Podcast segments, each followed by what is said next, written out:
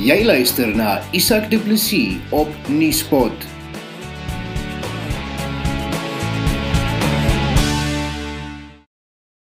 boer van Percy 5 omgewing naby Polokwane in Limpopo, Dave Osborne, is die naweek van 26 Junie aangeval deur 'n groep mans op sy plaas.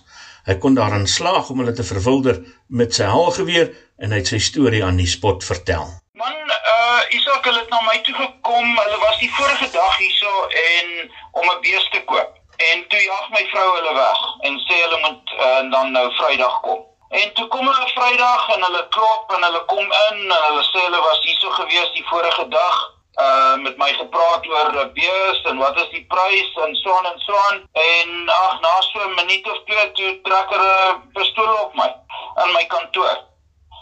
En uh hulle het my geslaan met 'n eyster, probeer oor die kop slaan met 'n eyster. Ek het gebreek, hulle het my arm bietjie seer gemaak en gesteek met 'n mes en probeer vasmaak en so aan en gelukkig toe kom my buurman om vir my te kom kyk. En toe gryp hulle hom ook sommer en gryp sy geweer en maak ons almal vas en toe gaan hulle deur my huis en hulle vernietig alles.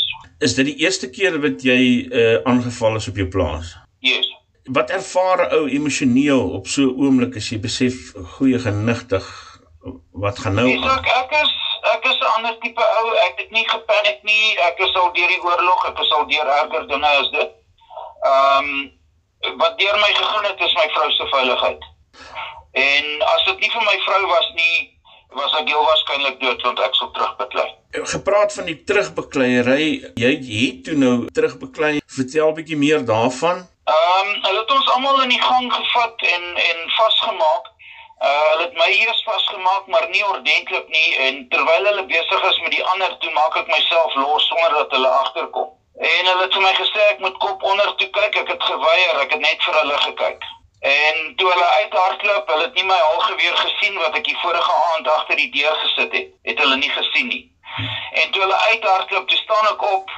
Op daai stadium was ek naak geweest En en ek gryp my algeweer en ek begin vir hulle te skiet. So die, hulle was klaar op die bakkie en besig om te ry. Uh hulle was so seker so 40 meter toe kom ek uit die huis uit en toe begin ek op hulle te skiet. Het jy van hulle raak geskiet? Definitief. En is enige een van hulle al gevang? Uh nee, maar ons weet wie ons ons het al klaar die informant ehm um, in die hande gekry en 'n naam by die informant gekry as ons hulle in die hande gaan kry, ons weet wie dit is, ehm um, waar sy bly en so aan en so aan. Ehm um, ons vermoed hier by Woensdag Donderdag sal ons 'n negtenisname maak. Sê vir my, Duif, uh, emosioneel met jou en jou vrou, gaan dit nou? Ek is 100% soos ek sê, ek is deur baie erger dinge as dit in my lewe. Ehm um, sy's 'n bietjie geskok en so aan, maar sy sterk, sy sal regkom. En jou vriend wat daar was tydens die voorval? Hy is hy's uh, hy's soos 'n beer met 'n seer tand. Hy's baie kwaad. Dave, dit lyk of al hoe meer boere begin terugbeklei teen plaasaanvallers of die geleentheid kry om uh, terug te beklei. Deel 'n bietjie met uh, jou gevoelens oor plaasaanvalle met ons.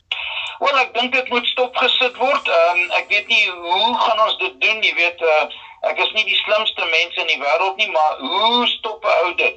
En en al wat ek kan sê is is die konstitusie is nie reg vir die eerlike mense in hierdie land. Dis die enigste ding wat ek kan sê, die die die slegste mense of die verkeerdoeners het te veel reg in hierdie land. Dit is die boer David Osborne van Percy 5 omgewing naby Polokwane in Limpopo. Ek is Isak Du Plessis. Nuuspot, jou tuiste vir Afrikaanse stories agter die nuus.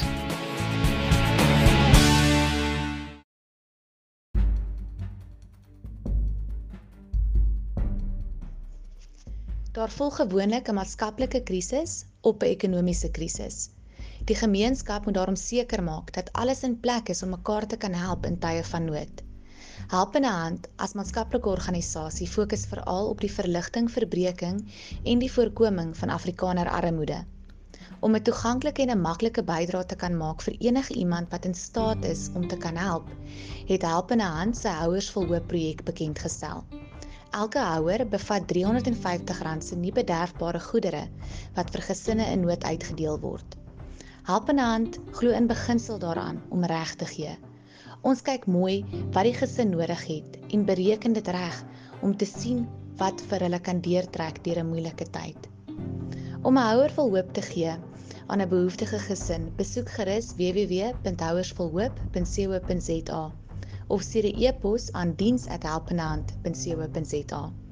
Wie is jy die houer vol hoop vir iemand wat honger gaan slaap elke aand?